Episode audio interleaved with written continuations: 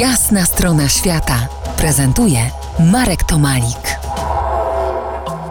Po jasnej stronie świata Marian Kachniarz, absolwent geografii turyzmu Uniwersytetu Jagiellońskiego, obecnie profesor Uniwersytetu Przyrodniczego we Wrocławiu, ale też, a może przede wszystkim podróżnik, ten, którego nosi. Wiem, bo znam ten typ człowieka i Mariana w szczególności. Dobrze, zamykamy oczy, przenosimy się na salę wykładową, a tam w czasie bardzo ciekawego wykładu o tak zwanym genie włóczęgostwa, genie podróżników, pada takie pytanie.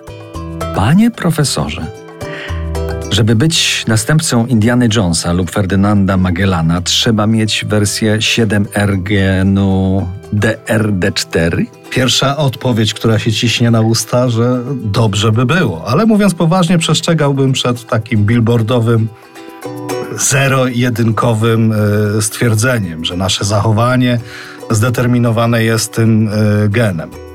No, jesteśmy skłonni do takich e, uproszczeń oczywiście. Próbujemy sobie upraszczać ten świat, ale rzeczywistość jest bardziej złożona. Cechy otoczenia mogą dużo silniej wpłynąć na nasze upodobania niż genotyp.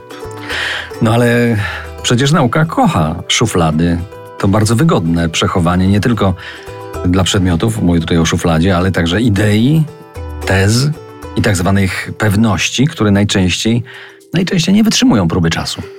Nauka też y, poddaje się takiemu marketingowi. Dużo łatwiej jest powiedzieć, odkryliśmy gen włóczęgostwa, niż powiedzieć, to jest bardzo skomplikowane i dużo bardziej skomplikowane niż w rzeczywistości. Jak powiedziałbym, że liczy się przede wszystkim nie tylko to, co posiadasz, ale co z tym zrobisz. Czyli ty masz jakiś potencjał, ten potencjał możesz rozwinąć albo go zdusić. Czyli nonsensem jest takie myślenie, że jeden wariant jednego genu decyduje o tym, że mimo swojej woli czeka cię los na przykład Jamesa Cooka, czy choćby Marka Tomalika. Oj, oj, oj, tu bym przestrzegał.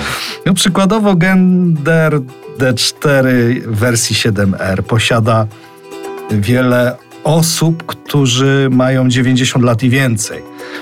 Nie oznacza to jednak, bo to od razu byśmy podejrzewali, że to jest gen długowieczności.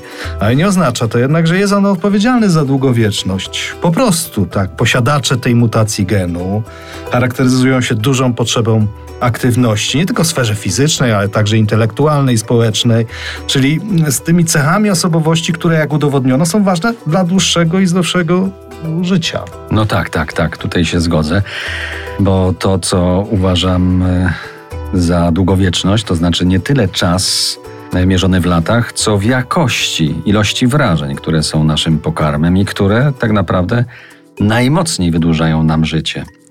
Za niejaki kwadrans powrócimy do tych rozważań. Zostańcie z nami po jasnej stronie świata. To jest jasna strona świata w RMS Classic.